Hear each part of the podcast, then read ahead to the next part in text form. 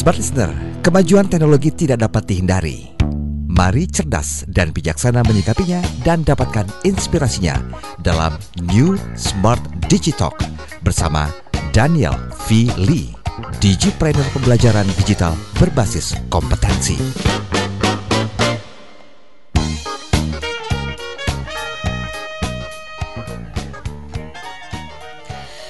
Halo selamat malam Smart Listener dan juga sahabat yang bergabung bersama dengan kami. Welcome to Smart Digitalk, the new Smart Digitalk ya.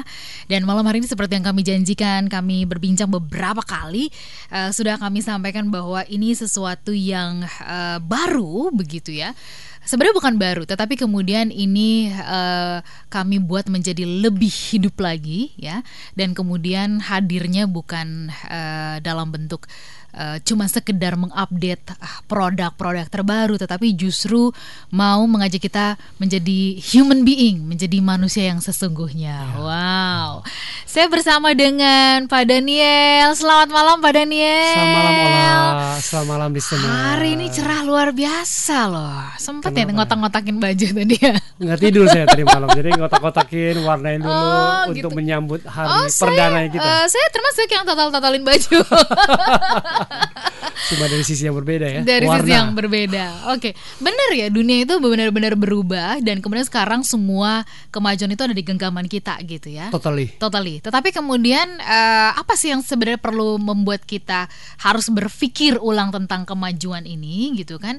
Masa ya kemajuan kita nggak mau terima gitu nanti kita dibilang antisosial lagi betul ya kan betul. tetapi apanya nih yang mesti membuat kita kritis kita simak dulu yuk smart listener apa yang sebenarnya ada di dalam uh, atau yang menjadi kegelisahan daripada Niel. Terima kasih. Kita Dan sudah ya. kita produksi bersama-sama kita simak ya.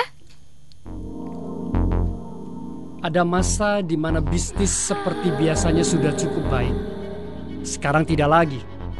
Sekarang kata cukup baik berarti mati.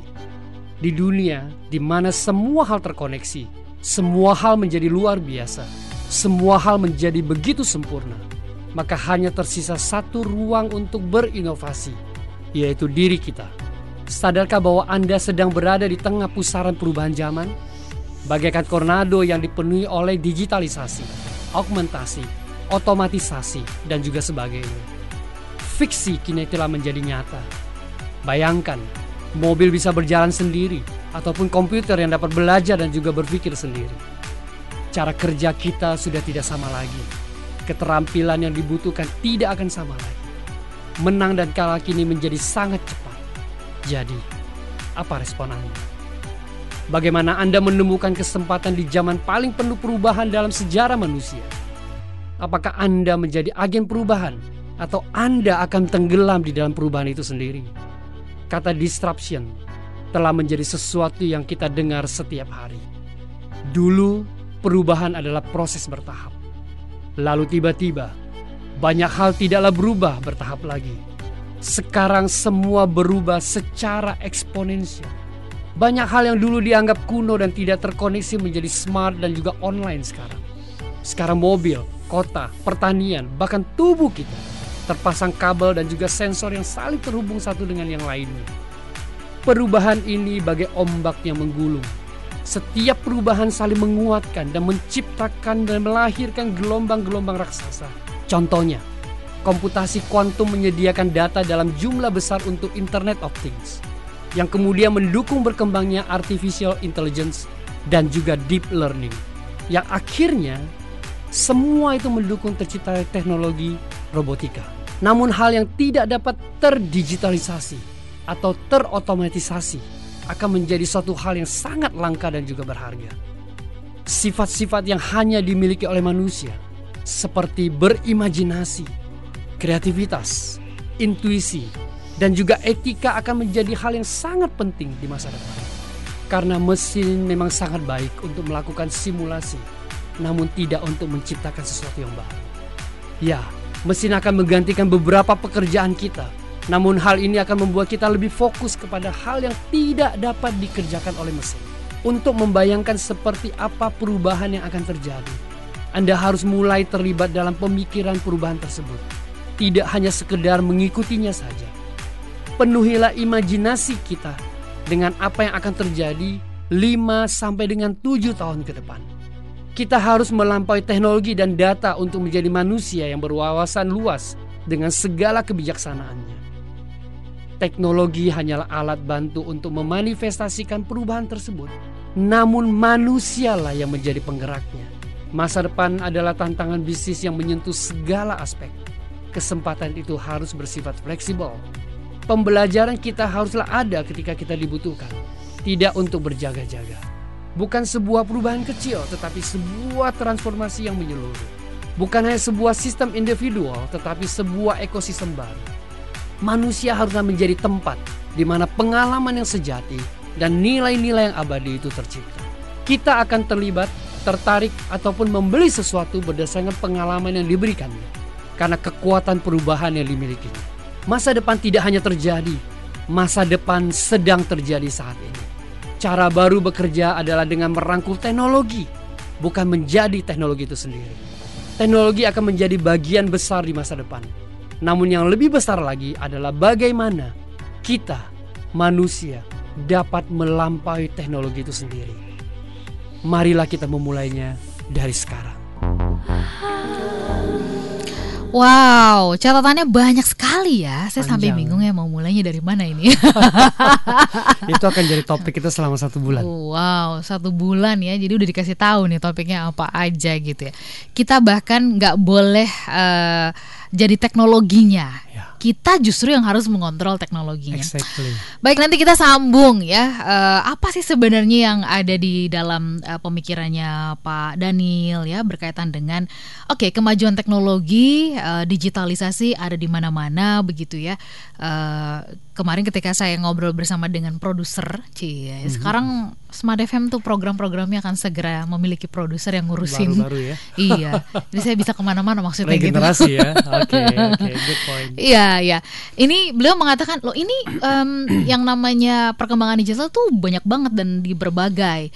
Jadi perdana kita ngobrolin tentang ini serba-serbinya loh. Siap nggak sih gitu loh dengan semua serbi serba-serbi yang ada di sekitar kita ini. Oke, Betul. nanti disambung di sesi berikutnya kita coba wake up call Yap. ya berkaitan dengan eh, perkembangan teknologi ini. Pak Daniel, sahabat yang bergabung begitu juga dengan Smart Listener. Kami jeda sebentar ya. Anda tetap kami undang untuk bisa pergunakan line SMS dan juga WhatsApp kami. Apa yang ada di dalam benak Anda kalau berbicara mengenai benarkah sekarang ini manusia sudah eh, ya boleh dikatakan sering kali didrive oleh teknologi, bukan manusia lagi yang mendrive teknologi. Anda boleh kasih alasan. Kami jeda sesaat. Tetaplah bersama kami. New Smart Digitalk bersama Daniel Fili.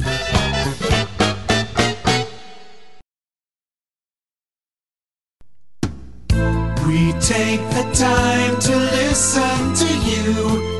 95.9 Smart FM Jakarta.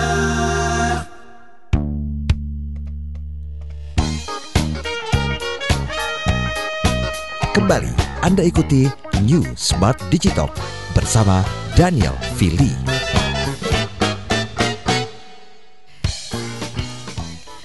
Smart listener dan juga sahabat yang bergabung bersama dengan kami malam hari ini. Ini adalah uh, perdana ya, The Perdana. New Smart Digitalk di mana kami mengajak Anda. Ini pertanyaannya adalah apakah sebenarnya kita siap ya menyambut uh, apa ya digitalisasi yang mengglobal ini Betul. ya, digitalization globalis uh, digital globalization.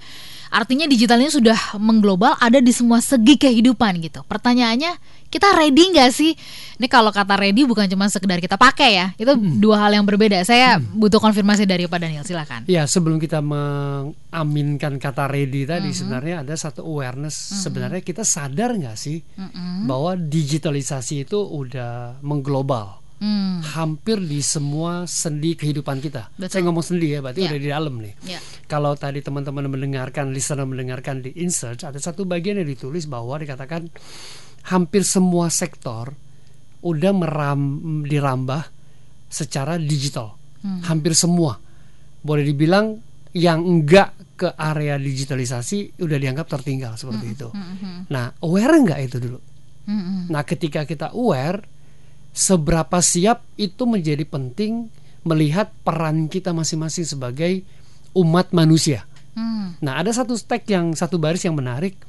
Memang teknologi itu ada dan harusnya manusia menciptakan teknologi itu, tapi jangan sampai manusia itu menjadi teknologi itu sendiri gitu. Mm-mm. Nah, itu beberapa bukti bahwa Indonesia manusia itu udah jadi teknologi itu sendiri gitu. Hmm. Artinya, contoh teman-teman pasti pegang punya smartphone, Mm-mm. bukan handphone ya. Ya. Kemarin saya dapat jargon yang menarik nih. Kalau handphone lemparin orang bisa mati orangnya. Oh. Kalau smartphone ini yang smart. We are not. Oh ya, baik. Ada ya kemarin topiknya Iya, iya. Ola ya. Mhm. Jadi kalau dia smartphone, ininya yang smart. Hmm. Yang punyanya enggak. Karena begitu ini enggak ada, dia kayak oh, mau ngapain ya? Heeh. Ayo, siapa Kayak, yang begitu? ayo. Siapa yang begitu? Siapa yang begitu? Nah, contoh yang paling gampang adalah kemarin kita diskus dengan beberapa teman-teman Oke, senior. Oke. Eh, bener loh, Pak. Contoh paling gampang, kita sangat tergantung Google Map. Betul. begitu ini nggak ada terutama saya lah ya Mhm. Uh, begitu saya meleng Mengakui dikit, juga ya. iya, be- begitu meleng eh lewat mana nih Hmm, tadi kebelok lewat mana nih? Iya. kayak gitu nah dulu enggak kita prepare kita mikir nah itu lama-lama kita udah di drive oleh teknologi dan kita udah pindah perannya kita harusnya kita bisa mikir logikanya seperti apa intuisinya seperti apa Oke.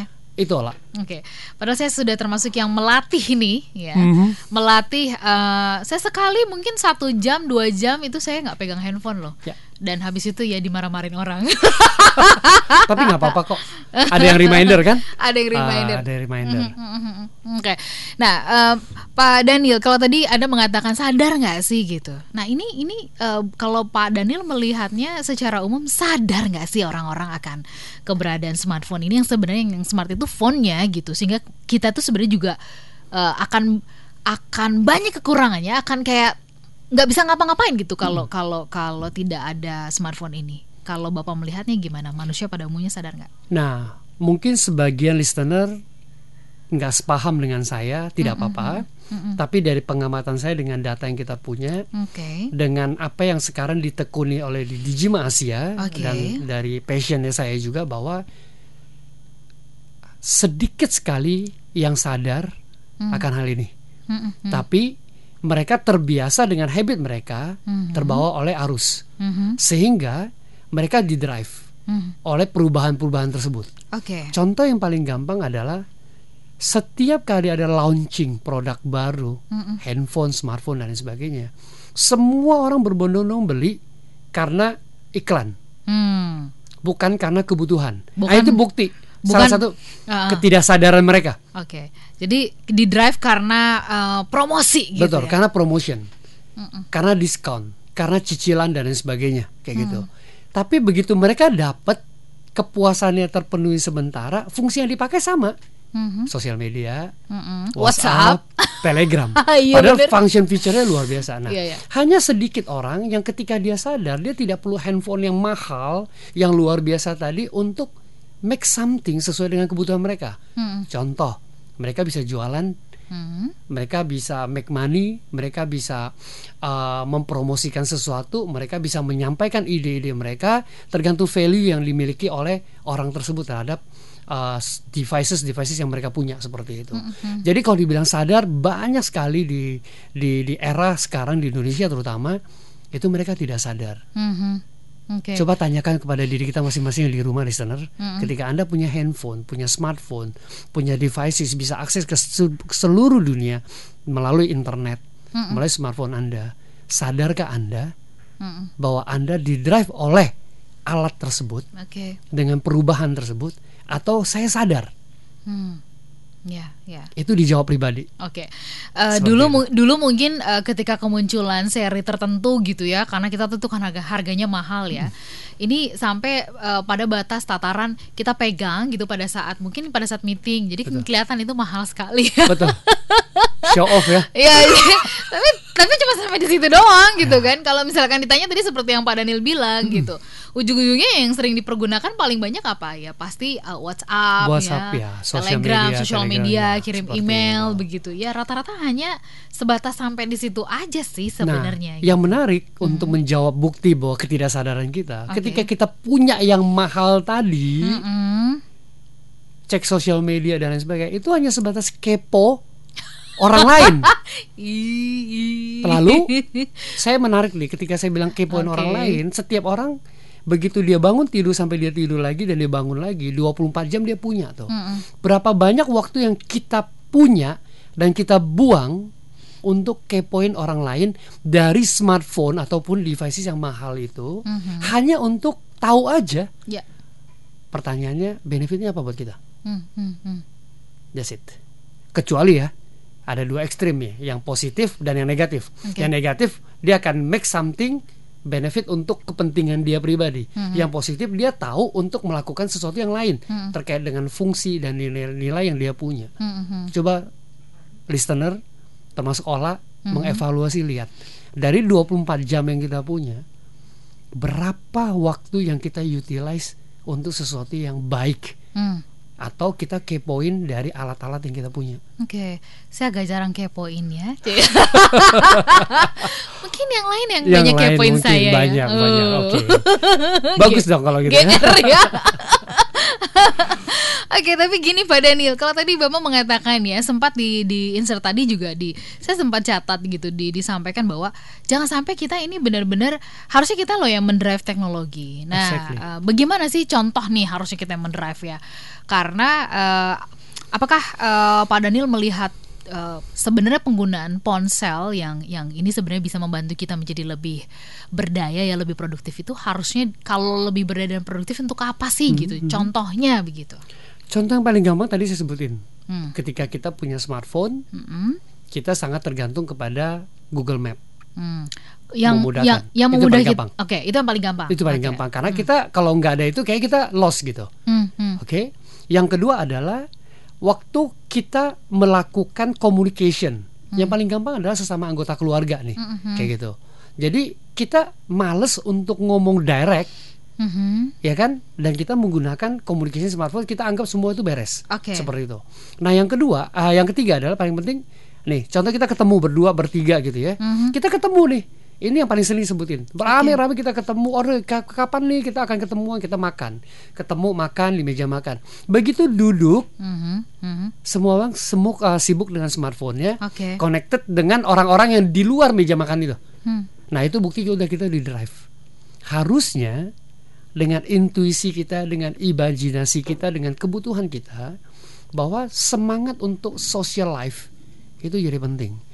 Hati-hati ya, ketika kita punya Instagram dan lain sebagainya, ini adalah social media. betul jejak digitalnya nggak mungkin bisa dihapus Ya, itu yang dibahas ya. Hmm. Jejak digital- digitalnya nggak bisa dihapus, tetapi ini social media yang kita butuhkan adalah social life.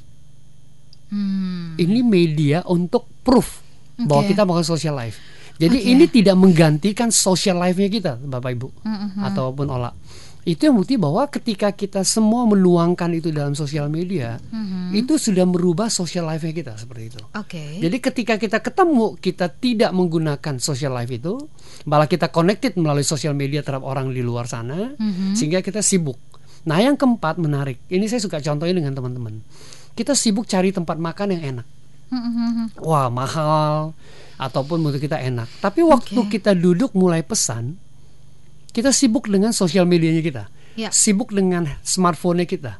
Kita nggak nikmatin makanan itu sebenarnya, kayak gitu. Tapi habis itu kita posting, makannya enak. ya Saya kelihatannya nggak yakin. kelihatannya sih enak banget orang-orang Iya. semua pada ber, ber- apa namanya berkomentar wah kayaknya enak sekali gitu ya. ya. Dan itu sebenarnya kita terbawa arus untuk mengatakan, ya itu enak karena semua orang mengatakan itu enak. Tapi kita sendiri Belum tentu. Enak itu cuma segini olah. Kalau buat teman-teman di live bisa lihat oke. ya, itu cuma enak itu se- cuman tenggorokan. sejarak apa tenggorokan. Iya, lima jari. Lima begitu jari. kita telan, yang bisa Ah. ngerasa enak itu kan di lidah kita. Betul. Lalu turun, begitu lewat dari leher, enak itu udah nggak berasa. Bisa bayangin nggak? Kadang-kadang kita, oh udah habis ya? Malah di tenggorokan nggak berasa. Iya, Enaknya itu cuman di di lidah doang betul. gitu. Makanya dikatakan kecaplah dan nikmatilah enak itu karena itu cuma sebentar. Tapi ketika kita sambil konsentrasi dengan smartphone yang kita punya, saya nggak yakin kenikmatan itu bisa dirasain.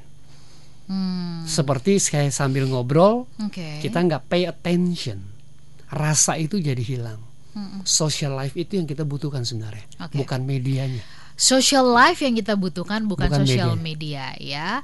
Eh, social media adalah untuk eh, boleh dibilang untuk confirm, Untuk confirm. untuk confirm Yes. ya, untuk, Untuk bikin memori. untuk bikin memori. Time flies, memory don't. Dibilang Oke. kan, nah you get Oke. memory. Ini ini eh, eh, bagian yang sangat menarik nih. Ini perlu kita kita garis bawahi nih ya.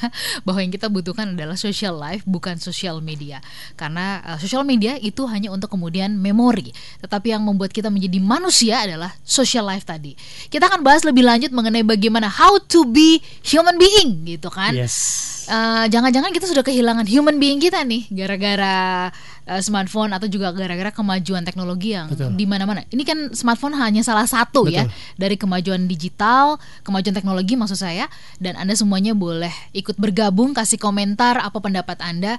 Silakan di 0812 11 12 959. Telepon kami di 0216 34 34 17. Sekali lagi di 021 6 34 34 17. Terima kasih. Tetaplah bersama kami. New Smart Digitalk bersama Daniel Fili.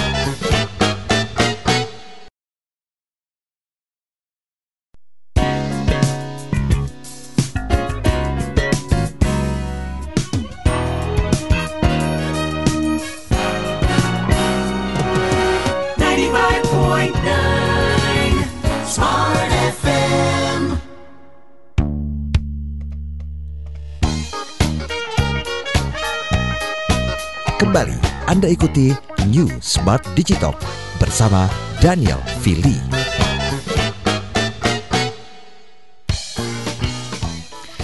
Smart listener dan juga sahabat yang bergabung bersama-sama dengan kami di dalam New Smart Digitalk saya bersama dengan Pak Daniel ya yang akan terus bersama-sama dengan kita menginspirasi bagaimana kemudian kita bisa menjadi lebih arif ya, lebih bijaksana dan kemudian menjadi manusia yang sesungguh-sungguhnya ya kan.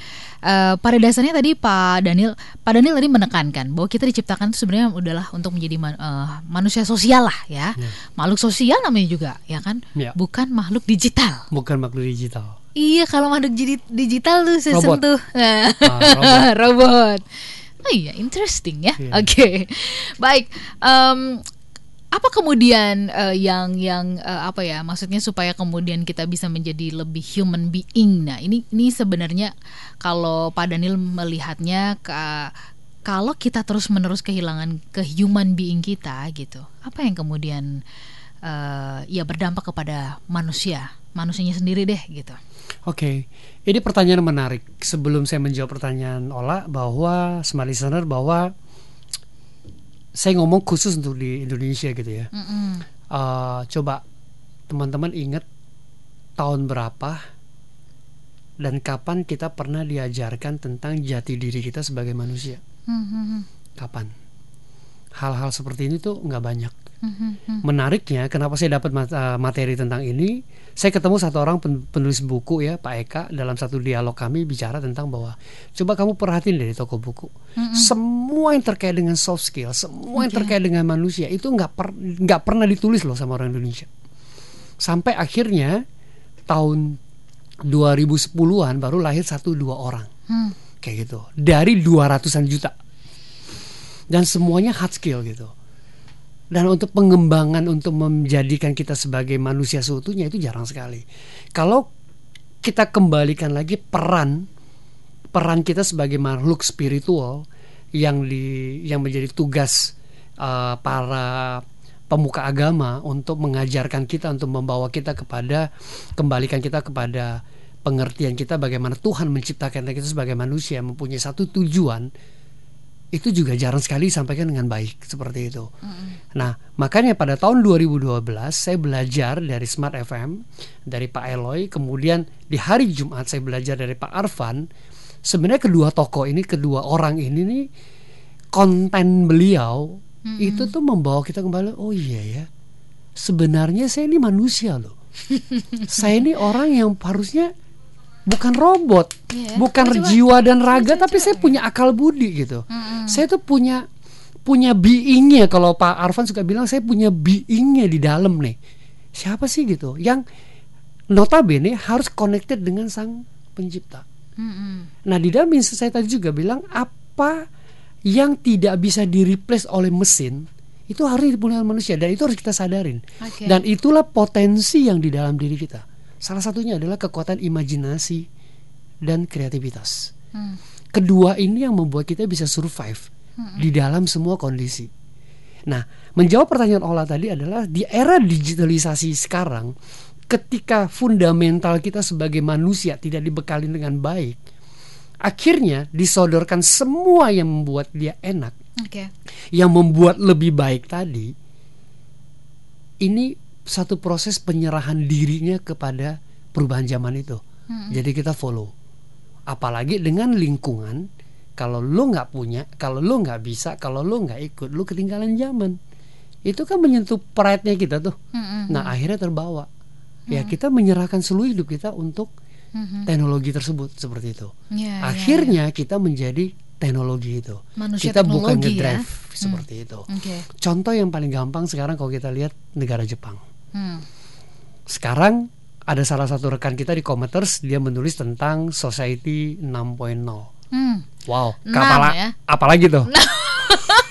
Ini empat aja Ini pusing. empat aja pusing. Pusing tujuh Belum kali. lima dia udah ngomongin enam. Ini 4.0 kita baru seminarkan di mana-mana gitu supaya orang paham Ya. gitu ya. Indonesia condition sekarang adalah di 3.0 Hmm. automation, Mhm. belum 4.0. Baru Oke, menuju. Baru, menuju. Baru persiapan. Mm-mm. Negara maju udah ngomongin 6.0. 6, koma. Tapi ketika kita ngomong society 6.0 Oke. itu mengerikan sih. Kalau kita tidak paham diri kita sebagai manusia, human being itu, Hmm. kita akan menjadi robot-robot yang hidup sebenarnya dan Hmm. dikendalikan. Apalagi tadi waktu di Insta saya bilang bahwa chip pun udah bisa ditanam di dalam diri kita. Kalau teman-teman bisa googling, bisa lihat begitu banyak video YouTube dan lain sebagainya, handphone pun sekarang udah ada yang tidak physically ada. Itu sudah tertanam di dalam diri kita, udah menjadi satu dan tinggal di scan. Nah, tadi Ola waktu kita offline sempat bicara bahwa uh, uh, bukan hanya kita sih bicara perangkat tuh sekarang mostly semua udah bisa handle di smartphone. Makanya disebut smart. Bahkan semua computerization udah pindah ke sini. Artinya satu alat ini boleh menguasai seluruh aspek kehidupan kita. Hampir seluruhnya kecuali bagian spiritual. Dan itu kembali lagi kita sebagai orang yang punya Mm-mm. yang beli, yang megang smartphone ini. Kalau kita nggak punya kemampuan untuk mengendalikan diri secara spiritual, kita menjadi bagian daripada smartphone yang kita punya. Hmm. Itu bahaya sekali. Oke. Itu bahaya sekali. Makanya ada orang menikah pendetanya robot. Hmm. Karena sesama manusia tidak bisa memuaskan, Oke. dia menikah sama yang bisa memuaskan, Ya. robot. Robot. Itu sudah terjadi, Bapak Ibu. Mm-mm. Itu sudah terjadi. Mhm. Bisa bayangkan? Oke. Ngeri ya. Oke. Oke. Jadi merinding ya saya sendiri kalau ngomong kayak gini merinding gitu. Merinding nih. Lama-lama iya eh, menikah dengan robot melahirkan anak robot juga gitu kan. It makes Iya, sense. iya, iya. bisa terjadi Oke. Nah, kalau eh, manusia kehilangan kemanusiaannya, Pak Daniel, apa yang paling berbahaya? Nggak usah nunggu sampai em, ya, yang terburuknya deh kalau kita kehilangan kemanusiaan kita.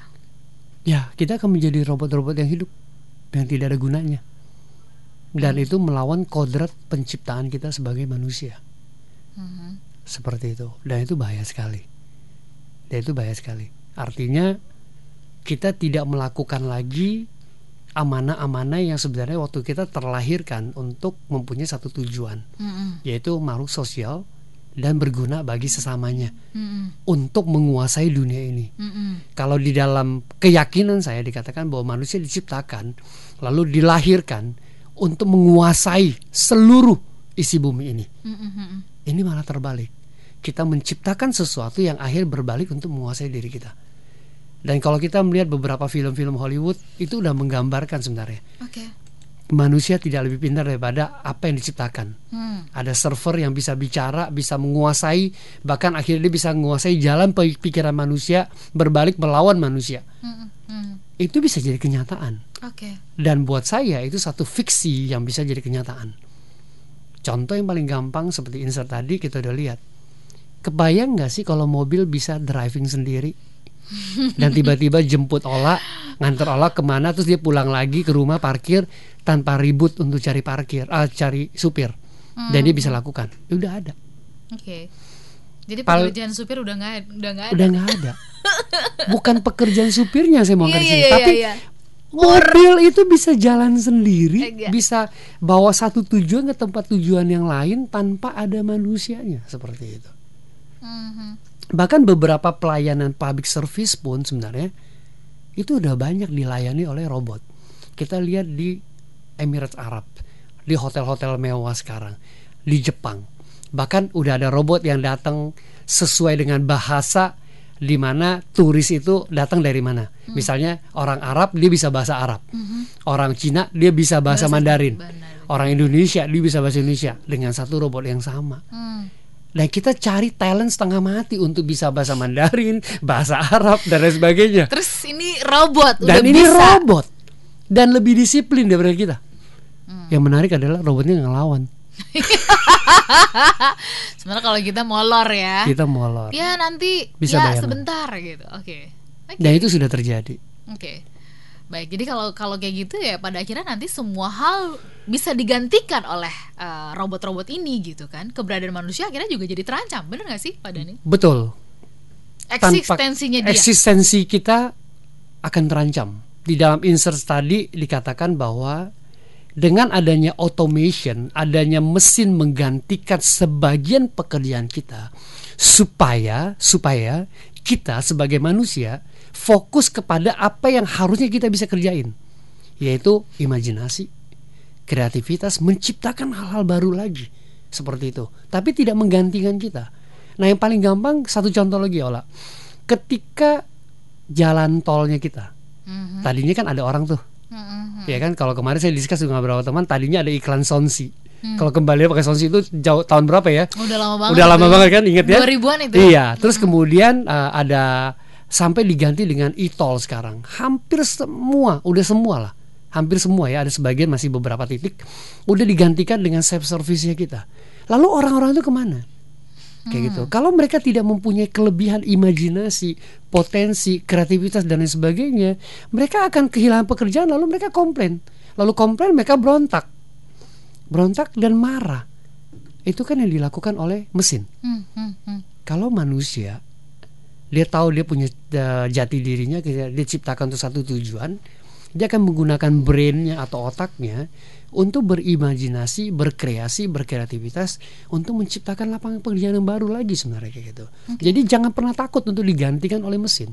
Karena memang itu cuma bisa diakomodir dengan mesin dan diakuin itu akan lebih cepat oleh mesin dibandingkan kita. Ya. Dan kita waktu diciptakan kita menyadari bahwa kita tuh bisa mengerjakan sesuatu yang lebih besar dari itu sebenarnya. Ya, Itu ya, yang penting. ya, ya. Oke. Itu sih. Baik, artinya sebenarnya eh, manusia tadi tadi eh, Pak Daniel mengatakan kita tuh sebenarnya harusnya lebih menguasai soal imajinasi, berkreasi dan Ya, sebagainya. ya, betul. Tetapi bahkan untuk berimajinasi dan berkreasi ini kita tidak maksimalkan, tetapi Ya. kemudian kita eh, lebih mengutamakan barangkali ada yang kita sebut sebagai otak ak- amigdala ya. Amigdala. atau reptil ya. Yep. Semata-mata pemenuhan untuk bertahan hidup, makan dan berkembang biak. Ya.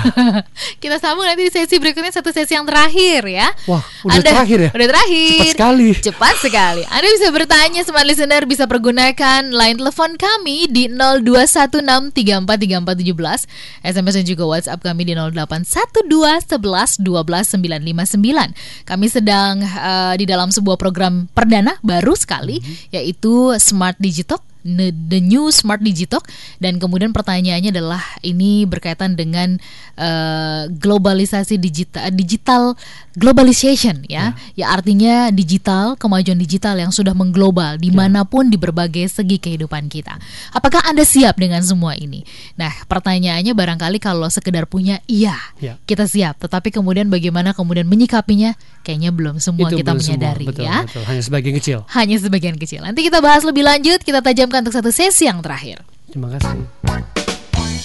Tetaplah bersama kami. New Smart Digitalk bersama Daniel Fili.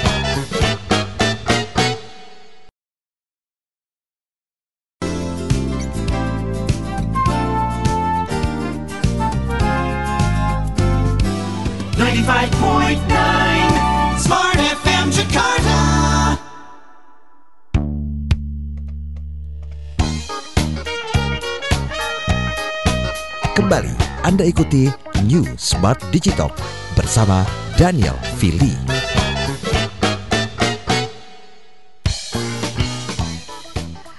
Smart listener dan juga sahabat yang bergabung, are you ready for digitalization, eh, digital glo- globalization? Ya, banyak kita yang kemudian, iya siap dong.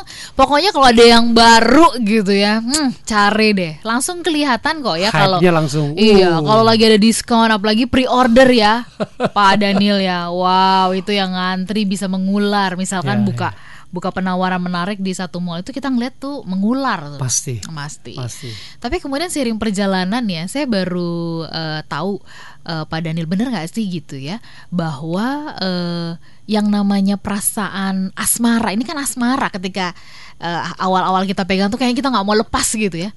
Itu cuma berlaku 120 hari. Bahkan kurang lah. Bahkan kurang ya. Bahkan kurang. Bahkan kurang. Habis- Karena terlalu cepat pergantian itu. Terlalu cepet ya. Iya, apalagi kan judulnya udah change itu eksponensial perubahannya. Hmm, hmm, hmm, hmm. Oke. Double. Double ya. Triple. Oke. Kita ke Pak Handoko sebentar. Ada Pak Handoko di Bogor. Selamat malam Pak Pak. Handoko. Salam kenal katanya. eh, selamat bergabung untuk programnya Mbak Ola. Mudah-mudahan bisa menginspirasi. Terima kasih Pak Amin, Handoko. amin. Terima kasih. Oke, pertanyaannya adalah eh, apakah kemudian kalau kita tidak beradaptasi dengan kemajuan teknologi nanti kita dibilangnya antisosial dong Pak Daniel gitu kan. Jadi seperti apa sih komposisinya katanya ya yang kemudian disebut dengan arif dan bijaksana tadi seperti yang Anda berdua sampaikan. Oke, silakan. Ini menarik sekali nih pertanyaan Pak Handoko. Handoko di Bogor ya. Hmm, Kalau bicara komposisi tadi secara offline saya diskus sama Ola bahwa kembali kepada peran kita masing-masing seperti itu. Jadi tidak bisa disamakan. Contoh Oke. seorang dokter sama guru profesinya pasti lebih urgent dokter karena dia harus standby dan lain sebagainya. Betul. Jadi men- minutes atau detik itu jadi penting buat dia. Tapi buat seorang guru mungkin hitungan 1-2 jam mhm, mhm. durasinya kayak gitu. Nah, kalau kita lihat komposisi ataupun eh, kembali lagi ketika kita memilih, saya balik lagi bahwa teknologi itu tidak akan membuat kita eh, jadi antisosial sebenarnya, Hmm, karena itu sosial media. hmm, Kecuali ya, kecuali anda hadir di dalam satu komunitas, semua orang menggunakan eh, apa peralatan digitalisasi digital yang luar biasa, lalu anda tidak menjadi bagian itu, jadi antisosial kan? hmm. Jadi wah lo nggak nggak nggak nggak oke nih karena semua orang pakai merek tertentu ini tertentu sebenarnya. Itu bukan hanya bicara digital, bicara hobi, mobil misalnya, sepeda misalnya kayak Iya, gitu. iya. Ya kan harus sama baru dianggap satu satu komunitas gitu. Sebenarnya enggak. Kita ketika kita bicara digitalization and globalization adalah Oke. kita bicara perubahan zaman yang sedemikian rupa udah digitalize, udah online, udah merambah ke seluruh artinya dengan sebuah connection online tadi. Mm-mm. Itu tuh mengubah perilaku orang sebenarnya kayak gitu. Nah, saya mau mengembalikan kita bahwa kita sebagai human being, kita tuh yang bisa nentuin. Nah, yang kita butuhkan sekali lagi adalah social life, bukan social media. Oke. Tapi pengakuan orang lu nggak sosial itu beda lagi. Itu dua hal yang menurut saya terpisah kayak gitu. Justru ketika kita tidak absorb atau tidak me- me- men- me- mengimplementasikan keseluruhan digital itu membuat sosial life kita lebih hidup sebenarnya kayak gitu. Kenapa? Interactivity Ya, ya, seperti ya, itu. ya. Jadi Ya. komposisi kita kembalikan lagi kepada Pak Handoko, Anda di bidang apa, apa yang Anda kerjakan sehari-hari, apa yang menjadi kebutuhan Anda ketika Anda mengimplementasikan tujuan hidup Anda. Itu jadi penting. Hmm. Kayak gitu. Oke. Ada Ibu Santi yang bergabung bersama dengan kita dari Jakarta. Selamat malam Pak Daniel, salam Santi. kenal. Selamat bergabung katanya di Smart FM ya. Boleh dikatakan memang saat ini beban digital itu berat katanya gitu. Woi deh. Taruh di cloud aja jadi ringan. Setuju Bu. Oke, ini saya terusin dulu ya bacanya ya. Oke. Bu Santi mengatakan gini, contohnya ya, saya tuh punya, eh, saya suami saya kan bekerjanya kan di laut ya, uh, Oke, Pak di laut. Daniel ya sebagai Pelaut seorang ya. pelaut ya. Nah kalau turun itu kan 2 sampai tiga bulan sekali. Kebayang dong kan anak-anak pasti ingin uh, bercengkrama bercanda begitu dengan Betul. ayahnya, walaupun ayahnya kalau libur nanti pasti cukup lama atau satu bulan begitu. Nah uh, tetapi kemudian kalau dilihat dari kebiasaannya ya udah sibuk dengan HP dengan gadgetnya masing-masing. Kebiasaan ayahnya nih. Ah, Oke. Anak-anak juga seperti itu, Pak Daniel. Hmm. Nah, gimana caranya ya membuat mereka tuh kalau lagi kumpul bareng ya jadinya nggak pegang gadget katanya begitu. Silakan. Oke, Bikin jawabannya kesepakatan. gampang. Hah. Tapi Make iya time. bikin kesepakatan kalau sepakat. Nggak usah bikin kesepakatan. Jadi? sebenarnya make time. Mhm, Kan kita udah dikasih 24 jam mm-mm. setiap orang. Make time. Make time itu yang saya sebut adalah apakah si ayah itu melihat family itu menjadi bagian terpenting. Ini sebenarnya kalau kita eh, bicara tentang bagaimana cara kerja otak, apa yang menjadi terpenting. Ketika ayah menjadi pelaut, dia tidak punya teman. Gadget itu menjadi teman baiknya dia. Betul. Itu jadi penting. Dan itu menjadi habit ketika dia udah Balik lagi. balik kayak gitu. Nah, ketika beliau balik sebenarnya kita bukan bikin kesepakatan gitu. Bagaimana kita menunjukkan bahwa kepulangan ayah dan keluarga itu menjadi penting. Jadi kita make time. Nah, ke- ketika kita make time, kita bikin prioritas. Prioritas kita adalah keluarga, sosial tadi, bercengkerama tadi. Nah, sebenarnya ini ada kerjasama.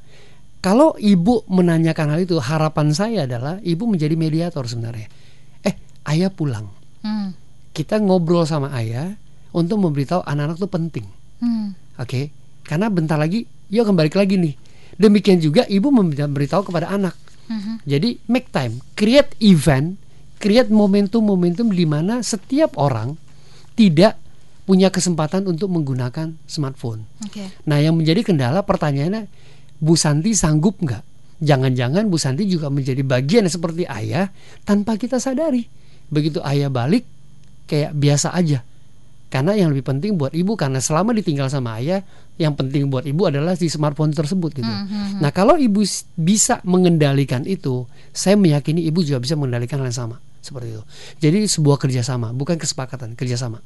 Kerjasama ibu kepada ayah terutama yang lebih dewasa, lalu ibu kepada anak-anak sehingga itu dibentuk create event, Oke. makan bersama, pergi bersama seperti itu, ya kan? Itu bisa dilakukan sebenarnya. Oke, Eh, untuk malam hari ini karena kita harus segera sudahi perbincangannya, Pak Aduh, Dani. cepat sekali ya. Cepat sekali. Tidak berasa. Tidak berasa dong, dingin dari tadi. Oh iya. Padahal topiknya banyak banget nih yang mau dibahas udah saya Banyak catat ya, dong. Iya, nggak apa-apa kita masih punya banyak waktu di Oke. di hari Jumat-Jumat berikutnya. Oke. Nah, tapi Pak Daniel gini, apa catatan penting anda eh, yang perlu eh, menjadi apa ya? eh, perlu kita ingat, perlu kita garis bawahi bahwa kemajuan teknologi yes, dan kita harus akui dia masuk ke berbagai segi kehidupan itu nggak bisa kita tolak kan ya, Ya. gitu. Tapi kemudian eh, sikap arif kita berhadapan dengan kemajuan teknologi itu semestinya gimana? Perubahan akan terjadi dan terjadi terus dan semakin cepat. Ketika kita tahu perubahan itu dan masa depan itu bukan lagi nanti tapi sedang terjadi sekarang. Nah, yang mau saya garis bawahi adalah jangan lupa digitalisasi yang terjadi secara global itu diciptakan oleh manusia. Mm-mm. Jangan sampai terbalik bahwa manusia dikuasai oleh ciptaannya. Mm-mm. Harusnya kitalah yang mengendalikan semua itu. Mhm. Nah, untuk menjadi bijak, untuk menjadi seseorang manusia yang bisa mengendalikan semua itu sebenarnya adalah kita mengembalikan jati diri kita sebagai human being, bukan human doing. Mulai hari ini, malam ini Bapak Ibu, termasuk saya, Ola gitu ya, kita coba na- per- bertanya kepada diri kita sendiri, apa yang harus saya lakukan terhadap semua perubahan ini? Apa yang paling penting? Yang paling penting adalah temukan tujuan hidup kita, temukan apa yang harusnya kita lakukan yang terbaik terutama bagi orang-orang kita cintai, terutama bagi diri kita sendiri. Dengan waktu 24 jam yang kita punya, apakah kita sudah menggunakan waktu itu atau kita membuang waktu itu untuk hal-hal yang sebenarnya tidak berguna melalui perubahan-perubahan secara digital yang mengglobal ini. Itu olah. Mhm. Oke, Semua listener dan juga sahabat yang bergabung, program ini pastinya tidak akan habis-habis ya menggali Banyak uh, semua sekali. uh, semua hal yang berkaitan dengan uh, dampak dari kemajuan teknologi. Uh, banyak program yang sudah membicarakan tentang bagaimana kita memanfaatkan kemajuan teknologi. Betul. Tapi rasanya kita perlu bersama-sama untuk memanusiakan kita masing-masing Kita, ya betul. eh, di tengah gempuran berbagai kemajuan teknologi ini. Tujuannya untuk apa? Supaya manusia Indonesia kita semuanya tetap menjadi manusia sejati. Wih. Manusia yang berkualitas Manusia yang berkualitas harapannya kita. ya. Kami pamit minggu depan kita akan jumpa kembali. Selamat menikmati weekend untuk Anda semuanya. Jangan Anda lewatkan besok itu akan hadir ada Smart Sport, kemudian eh, Smart Showbiz ya dan eh, Anda bisa menyimak berbagai program kami yang lain yang kami hadirkan di hari Sabtu. Sampai dengan jam 12 malam kami masih hadirkan berbagai informasi eh, penting lainnya dan juga lagu-lagu pilihan. Oke. Kami pamit, saya Lanur Lija. Saya Daniel Feli. Kami ucapkan terima kasih dan sampai Selamat jumpa. Selamat malam. Anda baru saja mengikuti New Smart Digital. Inspirasi untuk cerdas dan bijaksana menyikapi kemajuan teknologi. Terima kasih dan sampai jumpa.